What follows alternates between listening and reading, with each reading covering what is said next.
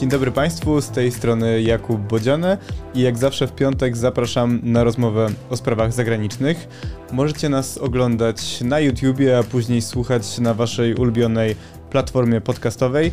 Jeśli lubicie to, co robimy, to nie zapomnijcie o tym, żeby zostawić e, lajka, komentarz, recenzję. To są wszystko bardzo małe rzeczy, ale nam w ogromnym stopniu pomagają docierać do nowych osób, które oglądają i słuchają nasz wideopodcast. E, Nasze wideopodcasty powstają trzy razy w tygodniu. W każdą środę, czwartek i piątek możecie nas oglądać i słuchać. Możecie też nas wesprzeć finansowo, bo ten i inne programy kultury liberalnej powstają tylko dzięki Waszemu wsparciu, za które już e, serdecznie dziękuję i zachęcam do wsparcia pozostałe osoby. A dziś przechodzimy już e, do tematu. Moim znakomitym gościem jest e, Krzysztof Renik, znakomity dziennikarz, jeden z najlepszych znawców Indii, myślę, śmiało w Polsce. Dzień dobry Państwu, dzień dobry. I członek redakcji, ostatnio autor wielu książek, ostatnio książki Kazachskie Stepy, której fragment możecie przeczytać w Kulturze Liberalnej. I oczywiście zachęcamy przy okazji do zakupu książki Krzysztofa. W zeszłym, nie, dwa tygodnie temu, przepraszam bardzo, rozmawialiśmy o Turcji z doktorem Karolem Wasilewskim i tam już pojawił się ten wątek e, niejednoznaczności w kontekście prowadzenia polityki, tego balansowania.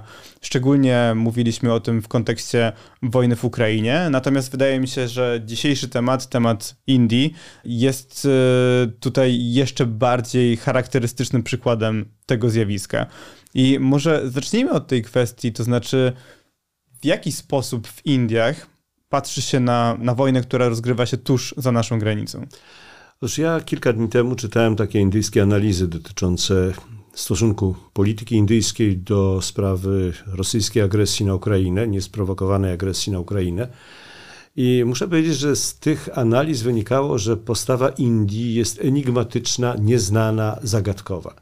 Szczerze mówiąc, nie mogę się zgodzić z takim poglądem. To były zachodnie analizy, prawda? To były indyjskie analizy. A. Indyjskich y, politologów, którzy mówili, że ta postawa indyjskiego rządu, indyjskich władz jest właśnie enigmatyczna. Otóż ja nie mogę się zgodzić z takim poglądem, bo w moim przekonaniu mm, postawa rządu indyjskiego, władz indyjskich, indyjskich elit politycznych w gruncie rzeczy jest logiczną konsekwencją uprawiania od wielu, wielu lat indyjskiej polityki zagranicznej.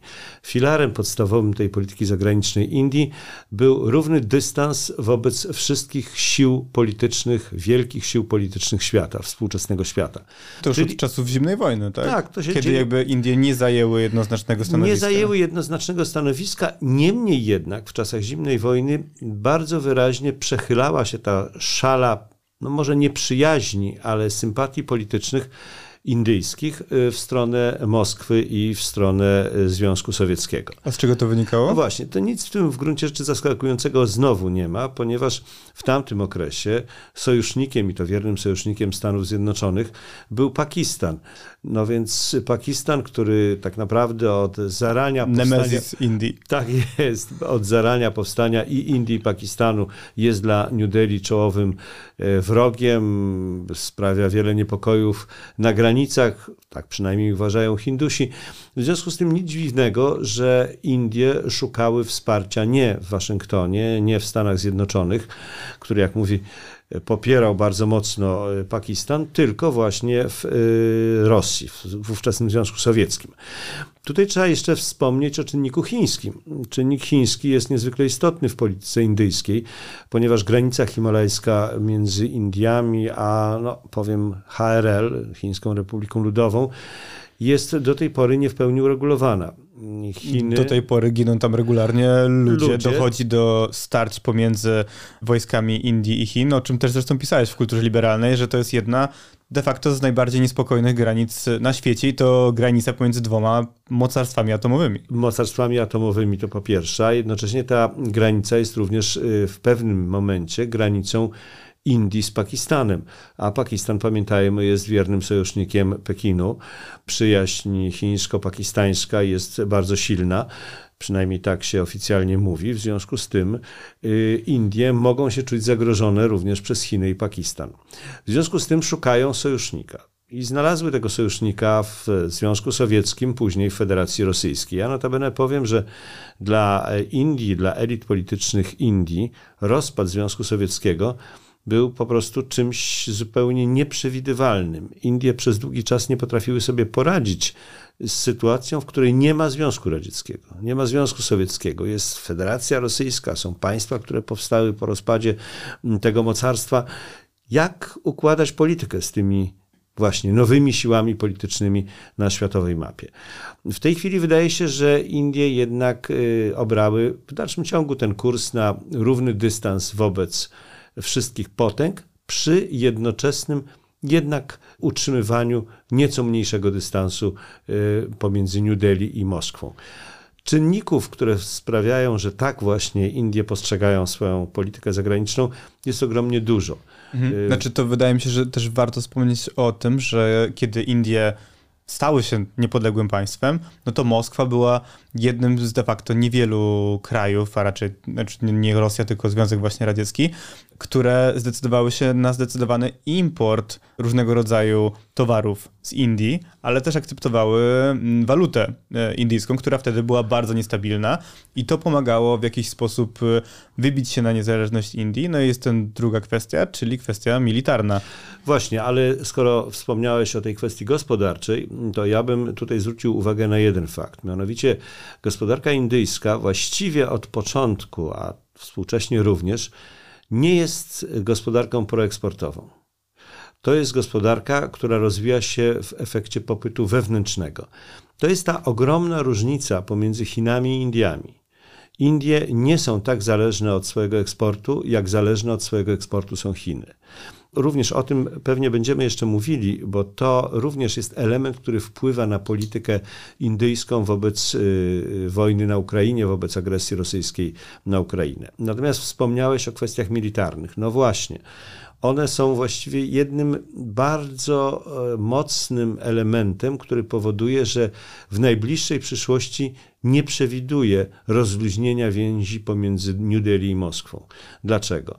Jeżeli 70, a niektórzy analitycy mówią, że i 80% uzbrojenia sił zbrojnych Indii pochodzi z byłego Związku Sowieckiego, a później z Federacji Rosyjskiej, to trzeba sobie jasno uświadomić, że w sytuacji skonfliktowania Indii z Chinami, skonfliktowania Indii z Pakistanem, ograniczenie tych relacji militarnych w krótkim czasie będzie bardzo trudne.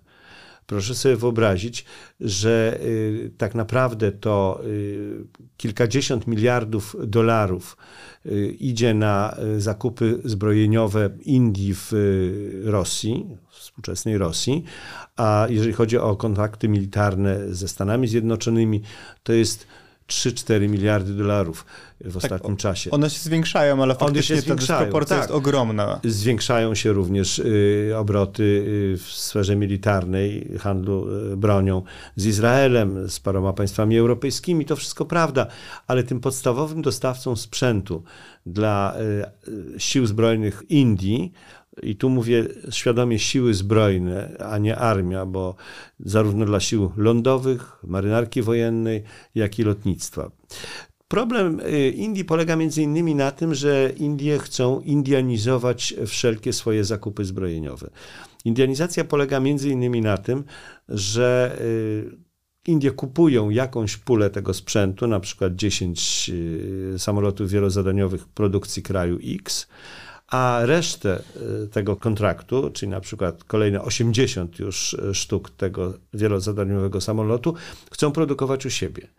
Rosjanie Czyli tak zwany offset. Y, to offset, indianizacja, oni to nazywają indianizacją, bo oni uważają, że oni... Brzmi tam, lepiej. Brzmi lepiej, a poza tym oni tam sami swoje komponenty będą wstawiać do tych produktów. Ale to powiedz tylko, czy to działa trochę na takiej zasadzie chińskiej, to znaczy, że kupujemy na przykład albo pozyskujemy... Nie, nie kradniemy, nie kradniemy. No właśnie, nie, nie, nie, nie, to, to, to, nie, nie, nie, nie, nie, nie, nie kradniemy, oni to uzgadniają z dostawcami. Tyle tylko, że niewielu dostawców chce się na to godzić. Rosjanie się na to godzą. Klasycznym przykładem jest, y, są samoloty wielozadaniowe Su-32, które y, ileś tam zostało kupionych bezpośrednio od producenta rosyjskiego.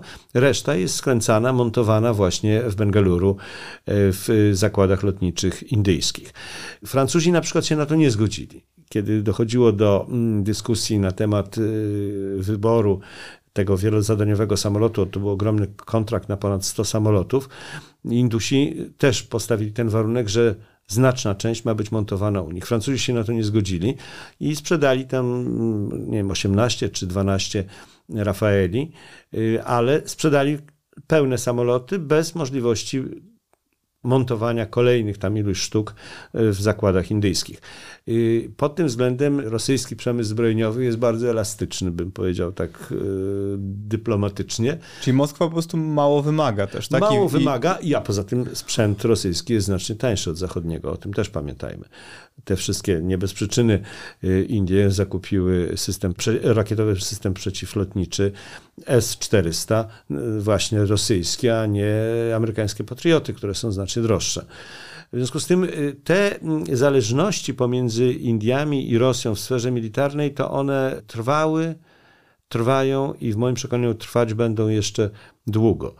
Są wspólne przedsięwzięcia, jak choćby system rakietowy BRAMOS, prawda? To jest cały system rakiet, właściwie pewna grupa rakiet y, takiego mniejszego, dalszego zasięgu, które są budowane w Indiach, ale są budowane w ścisłej współpracy z Federacją Rosyjską. W związku z tym, jeżeli chodzi o siły mm, zbrojne, to ja nie przewiduję tutaj nagłego zwrotu.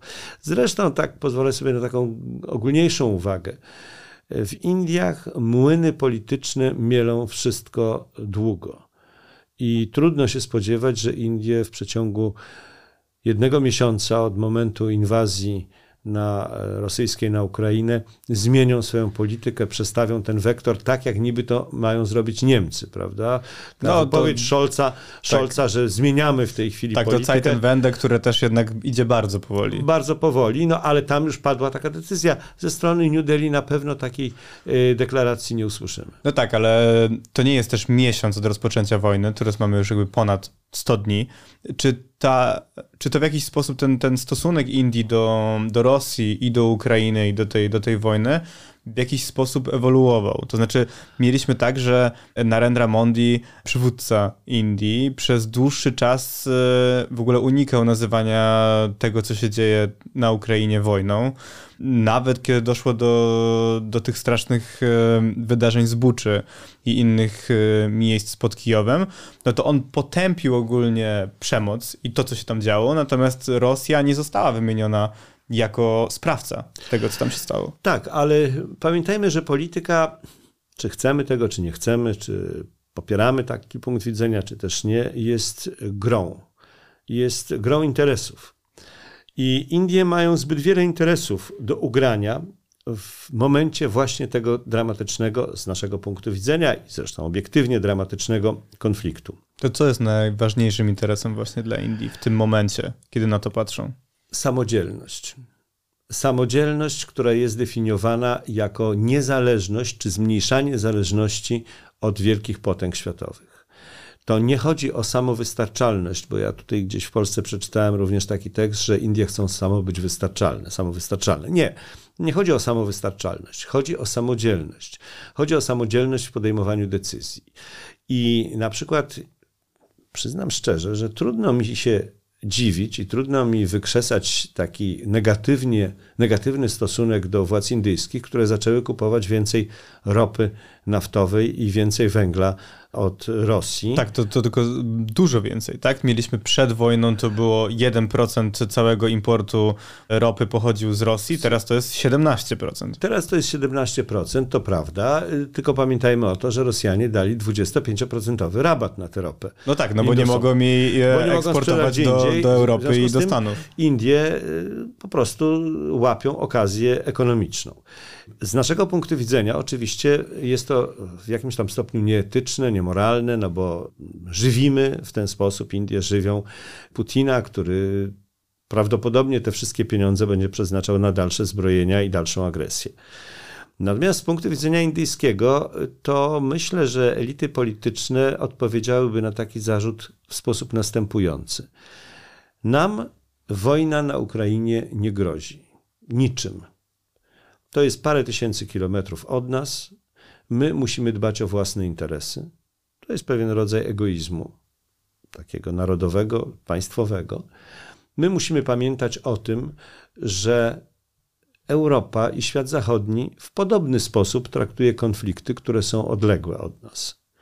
Bo polityk indyjski prawdopodobnie by zapytał, a co y, Europa i Ameryka zrobiły w momencie, kiedy y, tysiące Tybetańczyków uciekały z Chin przed represjami, przed y, polityką sinoizacji, no, przed mordowaniem również przez armię chińską rdzennych mieszkańców dachu świata. Dużo zrobiły? Niewiele. Czy zerwały kontakty handlowe z Chinami? Nie zerwały. Czy przestały y, mieć kontakty polityczne z Chinami? Nie przestały, nie zaprzestały tych kontaktów. Podobnie sytuacja, mówię o sprawach azjatyckich, bo to jest ta właśnie perspektywa. Podobna sytuacja z Birmą Mianmą, prawda? Y, junta przejęła władzę, głosy potępienia się posypały, ale jakoś tak gwałtownej reakcji świata zachodniego, czy naszych polityków na krwawe rządy hunty wojskowej w Mianmie, ja nie słyszałem. Tak, tak. No to były takie, wiesz, klasyczne wyrazy zaniepokojenia i thoughts tak and jest. prayers e, tak jest. w zachodnim stylu. Dokładnie, dokładnie. To... I Indusi dokładnie w taki sam sposób patrzą na rosyjską agresję na Ukrainie. Tym bardziej, tym bardziej, że ja myślę, że są w dużym stopniu również podatni na propagandę rosyjską. To jeszcze zaraz właśnie do tego... W zupełnie inny sposób przedstawia e, przebieg wydarzeń. To zaraz do tego przejdziemy, ale chciałem przywołać właśnie wypowiedź ministra spraw zagranicznych Indii, który jakby zaadresował parlament tego kraju w dzień, w którym e, dochodziło do rozmów w ONZ-cie a propos rezolucji, która miała potępić działania Rosji w Ukrainie. No i Indie nie zagłosowały, tak? W sensie zachowały neutralność w tym głosowaniu. I tutaj po prostu wprost zostało powiedziane, że nasza pozycja jest taka, że to nie jest nasz problem. To znaczy, my jesteśmy za pokojem. Trochę takie, dla mnie to zabrzmiało takim Franciszkiem. To znaczy, że liczy się pokój, tak, i obie strony powinny jakoś dojść do porozumienia, ale tak samo to, co ty wspomniałeś o tych kwestiach gospodarczych, takiego oportunizmu gospodarczego. E, to nie jest oportunizm gospodarczy. Tak jakbyśmy jest, mogli na to patrzeć to z naszej my strony. z naszej tak. perspektywy tak patrzymy, natomiast z perspektywy Indii to jest wykorzystywanie szansy. Mało tego, to nie jest wykorzystywanie nie tylko szansy gospodarczej, to jest również wykorzystywanie szansy politycznej. A dla Indii pewną szansą polityczną, bardzo ważną, o którą to realizację tej szansy Indie walczą od dawna, jest stałe członkostwo w Radzie Bezpieczeństwa. I ja myślę, że wojna na Ukrainie e, będzie tym momentem, w którym wiele krajów, od których będzie zależało to stałe członkostwo Indii w Radzie Bezpieczeństwa, będzie musiało przewartościować swoją politykę. Ale to jest inna sprawa już. No tak, właśnie jeszcze tylko chciałem powiedzieć o tym ministrze finansów. On po prostu wprost powiedział, no ropa jest tańsza, dlaczego miałbym jej nie kupić? To znaczy, to jest w interesie mojego kraju.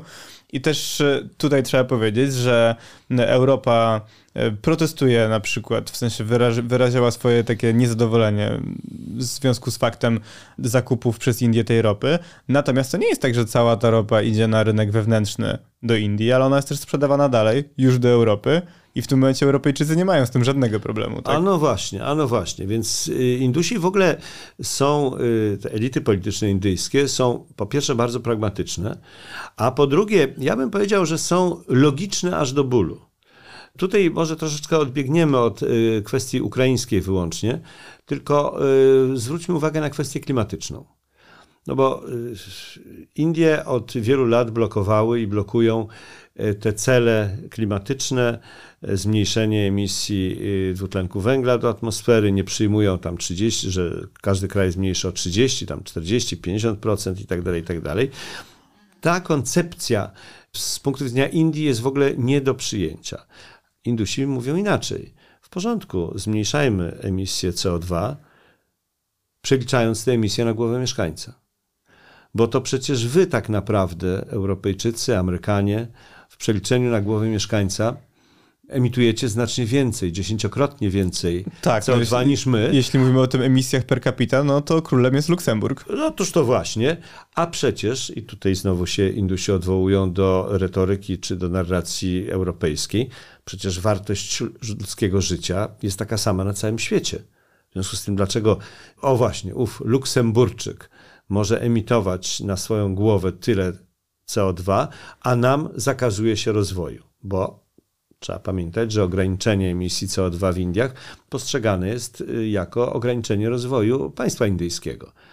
Y, ograniczenie możliwości rozwoju przemysłu, podniesienia poziomu życia, poziomu cywilizacyjnego itd., tak itd. Tak Więc Indusi, muszę powiedzieć, że uprawiają z jednej strony bardzo pragmatyczną i taką, ja bym powiedział, może i czasami kunktatorską politykę, ale w tej polityce jest bardzo wiele takiej bolesnej dla nas logiki.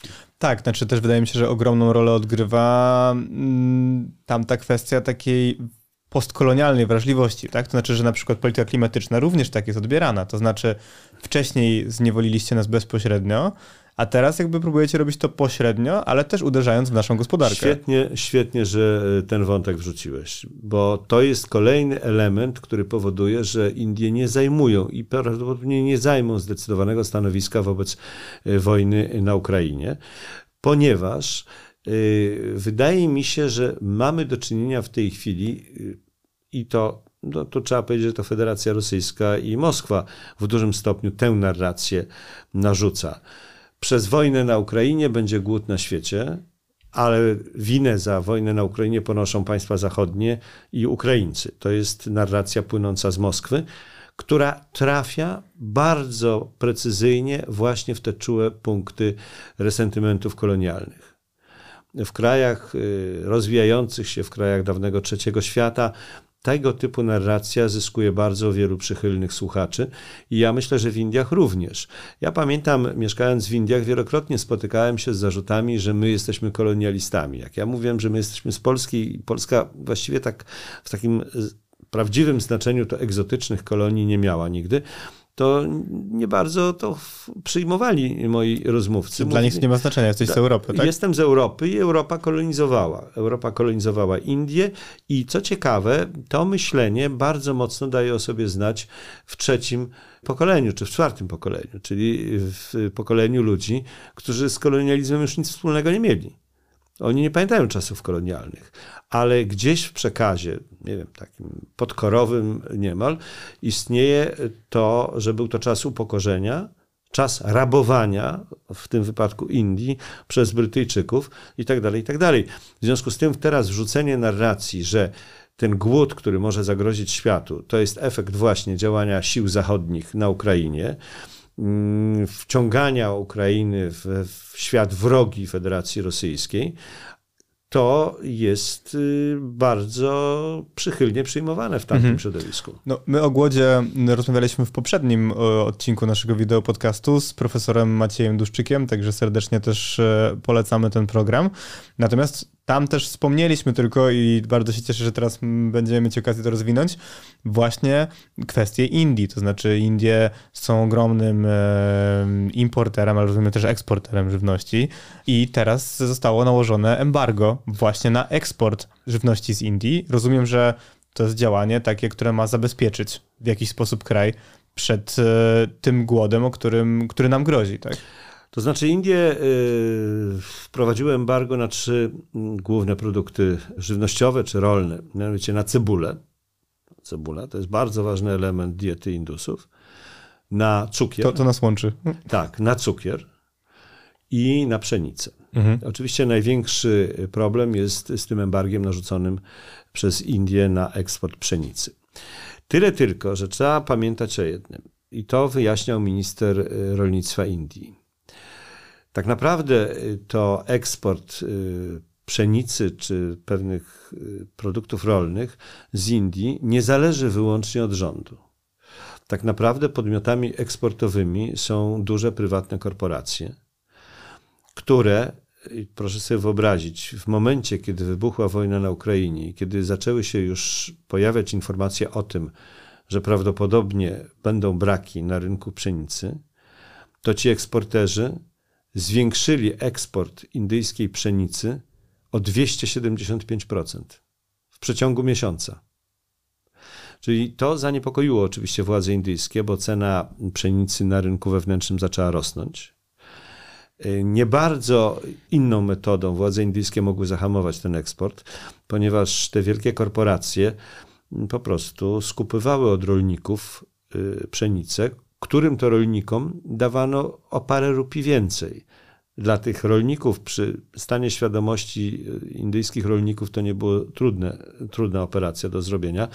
Te parę rupii było tak istotne, że oni gremialnie sprzedawali pszenicę tym wielkim korporacjom, tym wielkim podmiotom eksportowym. A te podmioty oczywiście niekoniecznie od razu chciały eksportować to, tylko trzymały to w silosach. Na Czyli eksport. dlatego państwo musiało zareagować? Tak, tak to zostało uzasadnione? Tak to zostało uzasadnione, że tak naprawdę to embargo jest y, obroną przed spekulacją, przed spekulacją produktami rolnymi. Indie wyraźnie powiedziały, że w tej chwili ta, ten eksport będzie miał miejsce, ale będzie eksportem sterowanym jednak przez państwo na mocy umów międzyrządowych. To znaczy tam, gdzie e, kraje, które rzeczywiście mogą się zetknąć z klęską głodu i te kraje zwrócą się do Indii, to do tych krajów po prawdopodobnie urzędowych jakichś cenach, no może nieco wyższych niż, niż y, normalnie, y, ten eksport będzie wznowiony ale to będzie się wszystko odbywało pod kontrolą czynników państwowych. To oczywiście rodzi możliwości korupcyjne, to jest już zupełnie inna kwestia. Natomiast rzeczywiście jest to pewien rodzaj obrony przed y, spekulacją. Mhm. A wspomniałeś o tej narracji rosyjskiej, która w jakiś sposób y, no, oddziałuje w Indiach i rezonuje właśnie tym takim neokolonialnym aspektem jak jeszcze propaganda rosyjska i w ogóle ten przekaz rosyjski, jak on działa i też jak jest odbierany, no bo mieliśmy taką sytuację bodajże z marca, kiedy mm, te nastroje społeczne były takie dosyć podzielone. Mieliśmy zarówno przedstawicieli różnych organizacji politycznych, e, którzy solidaryzowali się z Rosją, czego symbolem był w mediach społecznościowych ten hashtag I stand with Putin, e, który w Indiach był też to nie jest do końca jasne i to też bym ciebie zapytał, na ile to była sterowana akcja właśnie przez jakieś boty czy, czy fake konta, a na ile ona rzeczywiście była naturalna. I też był ten pochód y, organizacji Hindusena, tak, w marcu w stolicy na rzecz poparcia dla Rosjan, tylko tutaj trzeba zaznaczyć, że to było niespełna 300 osób. No więc, więc dość, dość marginalne. Tak, więc nie, nie. Generalnie Indusi y, jako społeczeństwo, i to jest paradoks, są antyamerykańscy. Więc tutaj y, ten, ten, to, to wsparcie amerykańskie dla Ukrainy od razu, y, sta, a to jest paradoks, ponieważ y, w Ameryce mieszka ogromna diaspora indyjska i Ameryka jest największym partnerem handlowym Indii. Więc to jest, to jest paradoksalne, że przy tych dwóch czynnikach, największy partner handlowy, Stany Zjednoczone, ogromna diaspora mieszkająca w Indiach, znaczna część społeczeństwa indyjskiego jest generalnie antyamerykańska. Ale to, to jest, jest chyba... taki antyimperialny tak, to jest, sentyment? Tak, to jest antyimperialny sentyment, chociaż Amerykanie nigdy nie mieli kolonii w Indiach, prawda? Ale to się bierze jeszcze chyba z okresu tego, mm, w którym Indie y, należały do ruchu państw niezaangażowanych, a ten ruch, no co tu dużo mówić, był sterowany przede wszystkim z Moskwy ten ruch państw niezaangażowanych miał jakby przeciągać na stronę rosyjską czy stronę sowiecką państwa trzeciego świata, państwa rozwijające się.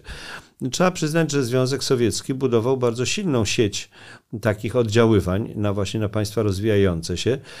To była sieć tego, co my nazywamy miękką dyplomacją bardzo często bo to nie tylko było y, dostarczanie broni, popieranie tam odpowiednich klanów i tak dalej, i tak dalej, tylko to była taka miękka dyplomacja. W Moskwie setki, jeżeli nie tysiące studentów z Afryki zawsze było z Azji. Ja pamiętam w Afganistanie przed 79 rokiem można było spokojnie po rosyjsku rozmawiać y, z grupą wykształconych ludzi, ponieważ oni wszyscy studiowali w Moskwie. W związku z tym ta, ta pamięć o Y, Rosji, o Związku Sowieckim, o Moskwie w wielu częściach tego społeczeństwa była kultywowana. To się przekładało potem na system edukacyjny, który mówił, że właśnie Związek Sowiecki jest państwem znakomitym dobrobytu i tak dalej, i tak dalej, i tak dalej. Natomiast tutaj, jeżeli chodzi o świat zachodni, zawsze był ten y, element y, pamięci kolonialnej. I takiej nieufności. Z I nieufności wobec. Z drugiej strony trzeba powiedzieć jeszcze o jednym. Mm, ja się w polskiej prasie zetknąłem z takim określeniem, że Indie chcą być samowystarczalne. Mhm. no to nie jest precyzyjne określenie. No tak, ty mówiłeś o tej Tak, samodzielności. O tej właśnie. samodzielności. I na przykład y, ta y, samodzielność między innymi polega na tym, że Indie nie chcą się pogodzić z tym, że Facebook będzie blokował jakieś treści. Facebook, który nie jest indyjski, prawda, który jest za oceanu. Dotyczy to również innych platform y, społecznościowych, czy y, w ogóle całego świata digitalnego. W porządku, my, Indusi, możemy sobie zablokować, nie wiem, tam 300 czy 200 programów chińskich, które zostały wpuszczone do Indii i to mamy prawo, bo to jest nasz kraj i my tutaj rządzimy. Tam była na przykład ta sytuacja o, z TikTokiem, tak, Tak, który tak, był blokowany tak, w Indiach. tak. I- i- jako chińska i- aplikacja Tak, oczywiście. jako chińska aplikacja i cała masa chińskich aplikacji została zablokowana w Indiach, ale to zrobiły władze indyjskie i z tym się społeczeństwo to godzi. też ta indianizacja. Tak, i Tak. z tym się społeczeństwo indyjskie godzi. Natomiast jeżeli chodzi o tego typu działania właśnie korporacji ponadnarodowych, to umówmy się przecież zachodnich, no, no bo jaka tam korporacja rosyjska czy, czy postsowiecka może zadziałać coś takiego. To z tym się Indusi nie godzą. W związku z tym to jest też ten element, który y, będzie powodował, że prędzej czy później Indie coraz bardziej staną się samodzielne, będą liczyły na siebie. To jest zresztą ten element, który będzie w moim przekonaniu najsilniejszym efektem rosyjskiej agresji na Ukrainę. Bo zaufanie do Federacji Rosyjskiej, paradoksalnie, mimo tych licznych związków, mimo zakupów tej ropy i tak dalej, i tak dalej, zaufanie do Federacji Rosyjskiej w New Delhi będzie malało. A będzie malało między innymi dlatego, że Indusi mają pełną świadomość tego, że ta wojna doprowadzi Rosję do sytuacji, w której kraj ten stanie się wasalem Chin.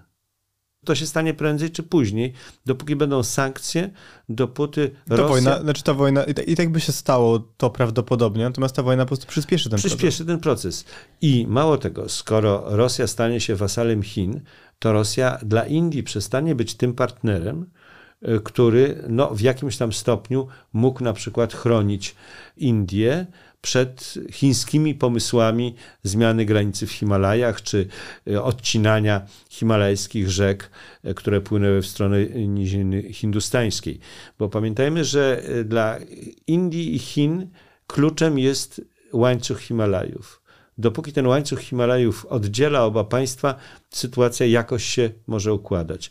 Jeżeli któreś z tych państw przekroczy łańcuch Himalajów, wtedy będzie miało bezpośredni wpływ na życie, na rozwój sąsiada.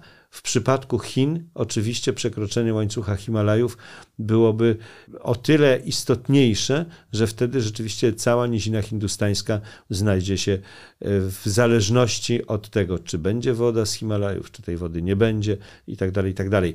W związku z tym to malejące zaufanie do Moskwy, do Rosji, może sprawić, że Indie zaczną ewoluować w stronę świata zachodniego, co zresztą w pewnych wypadkach widać, bo mm, przecież to niby taki sojusz militarny Australia, Stany Zjednoczone, Indie i Japonia, no jest to jakiś tam rodzaj sojuszu militarnego, pokazuje, że Indie zdają sobie sprawę, że mówiąc kolokwialnie, wiszenie wyłącznie na kontaktach e, z Federacją Rosyjską i z Moskwą nie przyniesie w dalekiej perspektywie sukcesu polityce indyjskiej. No właśnie, i o ten sojusz, czyli tak zwany Quad, chciałem cię, chciałem cię dopytać, no bo główną rolę tam oczywiście odgrywają Amerykanie i miał być to troszeczkę, mówi się o tym jako azjatyckim NATO, czy, czy jakimś jego zalążku, natomiast tam też ten istotny komponent odgrywa nie tylko kwestia militarna, no ale ma to być jakiś sojusz wartości, troszeczkę tak jak NATO i ma to być jakby organizacja czy porozumienie zrzeszające państwa demokratyczne w rejonie Azji i Pacyfiku. No i czy tutaj w ramach tego sojuszu, gdzie wszyscy członkowie oprócz Indii zdecydowanie potępili e, agresję rosyjską, czy tutaj nie ma żadnych napięć? Pewnie są, natomiast umówmy się co do jednego. Indie też nie pochwaliły rosyjskiej agresji na Ukrainie. Indie nie są państwem, które mówi bardzo dobrze się stało, trzeba, jak to Rosjanie mówią, z nazizmem na Ukrainie walczyć i tak dalej, i tak dalej. Indie tego nigdy nie powiedziały. Mało tego, proszę zwrócić uwagę, jak wstrzemięźliwa w gruncie rzeczy jest reakcja Waszyngtonu na postawę Indii. Po początkowym takim momencie Było takie szturchanie delikatne. szturchanie delikatne, a potem się y, Waszyngton zrezygnował z takich prób. Między innymi dlatego, że doskonale zdaje sobie sprawę, że piłka może polecieć w drugą stronę.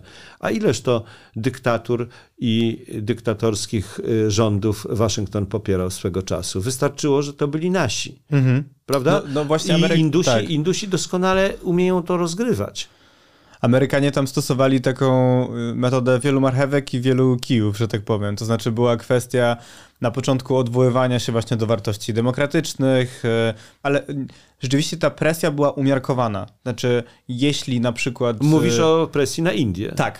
Jeśli y, Joe Biden mówił o tym, że chciał jakoś zmienić nastawienie na bardziej proukraińskie Indii, y, to mówił o tym, że on uważa, że w interesie Indii nie jest zwiększanie eksportu rosyjskiej ropy. Natomiast jakby to się ograniczało do takiego i jakiejś rekomendacji czy opinii. Tak, zaleceń. zaleceń. Tak, zalecenia. No, to, I to świadczy doskonale o administracji amerykańskiej obecnej. Y, Bo obecna amerykańska administracja doskonale sobie zdaje sprawę, że Hindusom można powiedzieć wszystko, ale jednego trzeba unikać: paternalizmu i pobłażania, takiej pobłażliwości wobec postawy. Hindusi zniosą każdą najgorszą prawdę.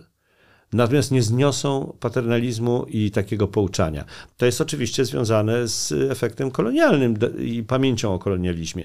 Y, W związku z tym administracja zdała sobie sprawę bardzo szybko, że tego typu działania wobec y, New Delhi nie przyniosą żadnych rezultatów. No właśnie, bo to, to jest to, co chciałem dopytać. Czy twoim zdaniem to wynika, to podejście obecnej amerykańskiej administracji z tego, że oni uważają, że takie działanie, takie zdecydowane, byłoby nieskuteczne, czy oni sobie zdają sobie sprawę z tego, że po prostu nie są w stanie tego zrobić? Znaczy nie są w stanie wymusić No, Tego to ja nie Indiach. wiem. Tego to ja nie wiem. Ja myślę, że na Indiach wymusić y, to bardzo trudno byłoby cokolwiek. Raczej trzeba do tego podchodzić pragmatycznie. A z drugiej strony, umówmy się też, no, jednak ten y, import y, rosyjskich surowców energetycznych mimo wszystko nie jest do Indii aż tak dramatycznie wielki. Oczywiście y, Indusi znaleźli swoją szansę na wzbogacenie swojego, że tak powiem, y, zaplecza energetycznego poprzez tanią ropę i prawdopodobnie tani węgiel z Rosji. Natomiast ja tak sobie myślę, wspomniałeś o tym, że ta ropa z Indii również trafia do, rosyjska ropa trafia do Europy. A tajemnicą Poliszynela jest przecież, że do Polski trafia rosyjski węgiel tylko trafia jako węgiel z Kazachstanu. Więc te gry interesów politycznych, gospodarczych, one w jakimś stopniu y, no, dotyczą wszystkich. To nie są tylko Indusi. I Amerykanie doskonale z tego zdają sobie sprawę. W związku z tym podejmowanie jakichś retorsji, jakichś y, ostrych sankcji wobec kraju, który, pamiętajmy, właśnie, którego produkcja, którego przemysł jest, którego gospodarka jest nastawiona na popyt wewnętrzny, a nie zewnętrzny. To sankcje wobec y, Indii, na przykład wprowadzone za to, że kupuje e, rosyjską ropę, że ten kraj kupuje rosyjską ropę, te sankcje nie przyniosłyby specjalnie wielkiego efektu, raczej e, byłyby no, nieskuteczne i, i przyniosłyby skutek Byłyby przeciwny. kontrproduktywne, tak. Kontrproduktywne, tak. To by się faktycznie nie opłacało. Natomiast, przepraszam, Mhm. jeszcze dodam, natomiast wydaje mi się, że w dalszej perspektywie to owi pragmatyczni Indusi, oni będą y, przestawiali ster swojej gospodarki, No właśnie swoich dopytać. kontaktów w stronę zachodu. Zresztą ja pamiętam sprzed lat jeszcze, jak tylko Narendra Modi dochodził do władzy, taki tekst analityczny indyjski, którego autor bardzo wyraźnie mówił, Narendra Modi zdaje sobie sprawę z jednego, że nie zmodernizuje Indii bez współpracy ze Stanami Zjednoczonymi. A to było przecież jedno z wielkich haseł Narendry Modiego. Modernizacja kraju, unowocześnienie kraju, prawda? I y, pamiętam ten tekst sprzed wielu, wielu lat. Narendra Modi już kilkanaście lat rządzi. I wynikało z niego, że istnieje w elitach tego BGP, tego naszego nie bardzo lubianego BGP, takiego narodowo, ja bym powiedział, faszyzującego miejscami ugrupowania, istnieje świadomość, że bez współpracy z Zachodem, a przede wszystkim ze Stanami Zjednoczonymi, bo nawet w tej analizie, z tej analizy wynikało, że nie ma co liczyć na Europę, że nie ma co liczyć na Unię Europejską, na państwa europejskie, że tak naprawdę to trzeba postawić na współpracę ze Stanami Zjednoczonymi. No i bilans handlowy jest taki, jaki jest. Stany Zjednoczone są największym partnerem handlowym Indii. Rosja gdzieś jest tam na, na dalszym miejscu. Stany Zjednoczone wyprzedziły w ostatnim roku fiskalnym Chiny, jeżeli chodzi o handel e, z Indiami. Co też jest polityką amerykańską. O, tak? Oczywiście, oczywiście, bo przecież przeciągnięcie... W interesie, tak powiem, jest w interesie amerykańskim. Jest jakby... W interesie świata zachodniego, tak, generalnie tak, tak, rzecz tak. ujmując. Bo e, jeżeli by Indie rzeczywiście e, sprzymierzyły się z tym nurtem państw rozwijających się czy wschodzących gospodarek, który neguje no, umownie Pax Americana, no to to by było bardzo e, duże wyzwanie dla Stanów Zjednoczonych, szczególnie w kontekście walki o Pacyfik i, i, i dominację na Pacyfiku. W związku z tym Indie. I to powoduje, że Indie e, są w stanie w tej chwili balansować między Moskwą i Waszyngtonem, bo tak naprawdę to one balansują. Ale jednak ta, równ ta równowaga będzie się przychylać, ta szala będzie się przychylać raczej na stronę amerykańską. Tak, tylko że nie liczmy, że ona się przychyli y, w bardzo krótkiej perspektywie czasowej, bo jak mówię, młyny indyjskie mielą długo. Mhm. Ale tym motywatorem oprócz y, kwestii modernizacji, która jest kluczowa y, dla Indii, no i też e, tutaj jest ten gospodarczy aspekt do tego dochodzi, tak? To znaczy one są powiązane ze sobą, no jednakże indyjska gospodarka w porównaniu do chińskiej no jest znacznie mniejsza, jest kilkukrotnie mniejsza. Ten kraj też znacznie później otworzył się na świat gospodarczo, tak. co też jest elementem wielu kompleksów w samych Indiach no, i tej, tej, rywalizacji między Indiami a Tak, tak. No ja pamiętam, czytając prasę indyjską, zawsze miałem wrażenie, że cokolwiek w Indiach wybudowano, to natychmiast było to porównywane do tego, co wybudowano w Chinach. Mhm. I jeżeli, powiedzmy, Chińczycy wybudowali 100 tysięcy kilometrów dróg szybkiego ruchu, to Indusi koniecznie musieli powiedzieć, że oni już budują 10 tysięcy kilometrów tych i tak dalej, i tak dalej. Ta rywalizacja między Indiami i Chinami, między tym indyjskim lwem, czy tam indyjskim y, słoniem, a, a y, chińskim smokiem jest ewidentna, to, to nie ulega wątpliwości. I to prawdopodobnie Stany Zjednoczone, Waszyngton będzie chciał wygrywać również, że zapewniając y, bardziej dynamiczny rozwój y, gospodarczy i bardziej dynamiczną współpracę gospodarczą indyjsko-amerykańską, będzie w ten sposób ograniczał y, możliwości ekspansji chińskiej na tereny Azji czy Pacyfiku. No bo tak naprawdę historia będzie się działa tam, nie na Ukrainie. I, i Indusi doskonale to wiedzą. Historia świata, bo, bo historia Europy to tak, to tutaj dla nas to jest wielki problem, to co się dzieje. Natomiast dla y, takich mocarstw jak Chiny, jak Indie, jak y, rejon Indo-Pacyfiku, to, to jest naprawdę jakiś tam element y, układanki politycznej, no mówi się, geopolitycznej. Tak, no mówi się o tym wprost, y, jako o takim proxy war. Y, tak. Już właśnie, czyli tej takiej wojnie zastępczej, ale nie pomiędzy Rosją nawet, a Stanami Zjednoczonymi, a Stanami Zjednoczonymi, a Chinami. A Chinami, a ja bym jeszcze powiedział, że Moskwa chce doprowadzić do takiej wojny pomiędzy cywilizacją świata zachodniego, a cywilizacjami, krajów y, rozwijających się, czy krajów trzeciego świata. I ta cała koncepcja z zagłodzeniem Afryki poprzez zablokowanie eksportu pszenicy z Ukrainy, no, ma do tego prowadzić. To właśnie y, Moskwa chce pokazać krajom trzeciego świata. Głodujecie, bo ten świat zachodni znowu was zostawił, doprowadził do sytuacji konfliktowej i przez to y, na waszych terenach pojawił się głód, pojawiły się niedostatki żywności. Mhm. No właśnie, jeszcze chciałem rozwinąć troszkę ten wątek te, tych wojen zastępczych i tego, jakie wnioski ewentualnie Indie z tego wyciągają, no bo wśród amerykańskich analityków y, jest teraz taka tendencja, części z nich oczywiście, żeby na przykład ten konflikt y, Rosji z Ukrainą eskalować do momentu żeby było możliwe jak największe i jak naj potężniejsze osłabienie Rosji, tak żeby właśnie można było przenieść ten środek ciężkości prowadzenia polityki zagranicznej już zupełnie z Europy na Pacyfik, kiedy Rosja będzie osłabiona militarnie No to i gospodarczo Blinken, i politycznie. To zresztą jest wprost Tak. powiedziane. A z drugiej strony też, że ta reakcja Zachodu stanowcza, że on, ona była dużo bardziej stanowcza, dlatego, że Amerykanie sobie zdawali sprawę z tego, że Chińczycy patrzą i patrzą w kontekście Tajwanu, co na przykład mogłoby się zdarzyć, jeśli by zdecydowali się zająć zbrojnie Tajwan, tak? Ja pamiętam, że to jest taki przedsmak ja tego, pamiętam, jak że Amerykanie początku, reagują. Ja pamiętam, że na początku tej rosyjskiej inwazji na Ukrainę pisałem w kulturze liberalnej o tym, że jeżeli świat zachodni pogodzi się z e, klęską Ukrainy, pogodzi się z tym, że można zmieniać granice przy pomocy siły, można zmieniać granice przy pomocy niesprowokowanej agresji, to, to będzie otworzenie puszki y, Pandory. Ponieważ y, takich konfliktów potencjalnych na świecie jest bardzo wiele. Zmieniłeś Tajwan, ale przecież to, znowu te Himalaje, konflikty graniczne w Azji Centralnej i tak dalej, i tak dalej, i tak dalej. Już o Afryce nie wspomnę. W związku z tym... Tak, ten, ten tekst Krzysztofa zalinkujemy wam w opisie do, Wie- do podcastu, bo on jest, y, mam wrażenie, coraz bardziej aktualny. Tak? Y, Tak, więc jeżeli, jeżeli rzeczywiście świat zachodni by się pogodził z takimi scenariuszami, no to wtedy grozi nam właściwie rozpad całego ładu światowego. Rozpad całego ładu światowego. Z, z tego powodu prawdopodobnie świat zachodni będzie robił wszystko, żeby jednak y, ta sytuacja na Ukrainie no, nie doprowadziła do wyzwolenia kolejnych wojen, choćby o Tajwan, choćby o Himalaje i tak dalej.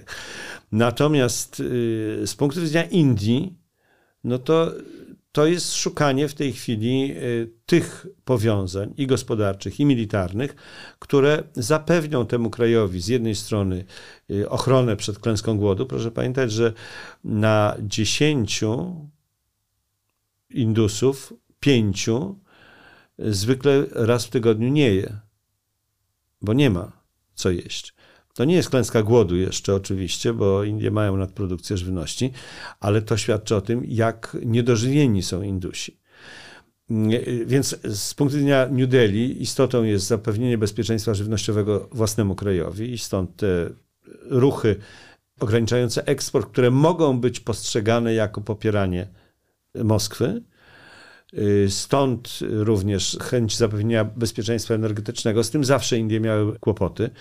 Ja pamiętam, jako dykteryjkę mogę opowiedzieć, pamiętam kiedyś rozmawiałem z byłym ministrem energetyki Indii i, i mówię, że no to takie trudne są te sprawy energetyczne. On mówi, nie, nie, Indie już przezwyciężyły kryzys energetyczny. Ja mówię, panie ministrze, ale my chyba w innym mieście żyjemy, bo, bo ja mam zwykle dwa Ja razy, nie mam. dwa razy w tygodniu albo trzy razy w tygodniu nie mam prądu w Delhi. A on na to mówi, no to kup sobie agregat. No tak, no w ten sposób przezwyciężyliśmy kryzys energetyczny. Więc zapewnienie bezpieczeństwa energetycznego też jest y, bardzo istotnym elementem y, działania obecnego rządu. No i wreszcie zapewnienie dostaw y, militarnych i, i zapewnienie sprawnego działania sił zbrojnych, co związane jest z kolei z utrzymywaniem poprawnych stosunków z Moskwą.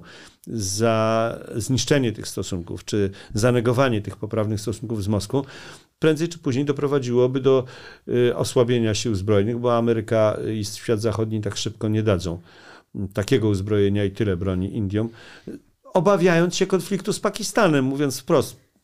Mówiłeś o Chiny, Indie, dwa mocarstwa nuklearne. No tak, ale Pakistan też ma broń jądrową.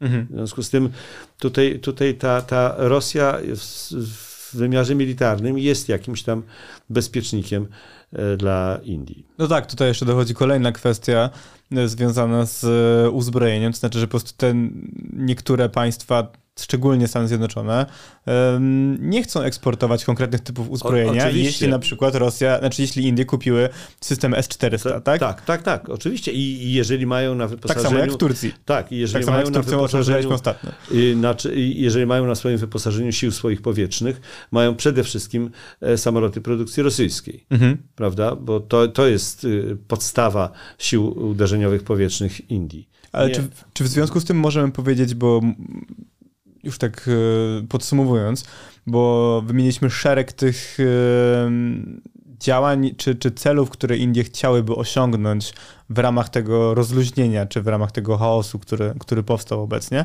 Natomiast czy jest tak, że jest, istnieje jakiś idealny scenariusz końca tego konfliktu z perspektywy Indii?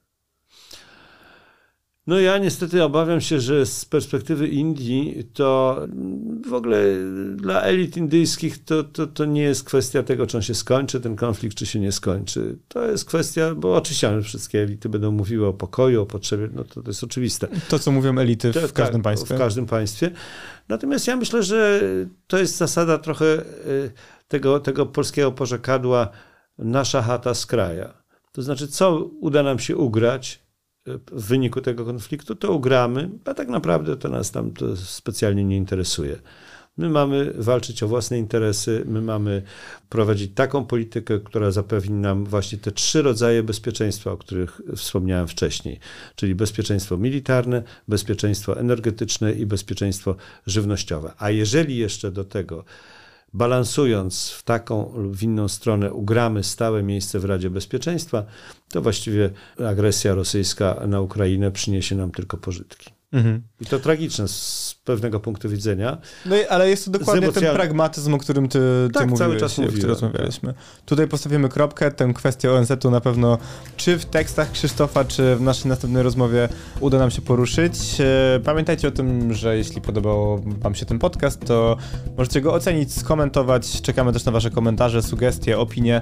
Dla nas są wszystkie bardzo cenne i wszystkie je czytamy. Program wydawała i realizowała Zofia Majchrzak, której serdecznie dziękujemy. I do zobaczenia i usłyszenia ze mną już za tydzień, a z Krzysztofem też niedługo. I już niedługo nowy tekst Krzysztofa na łamach kultury liberalnej. I polecamy też poprzednie teksty, które ani trochę się nie zestarzały. Dziękuję bardzo. Dziękuję. Do zobaczenia.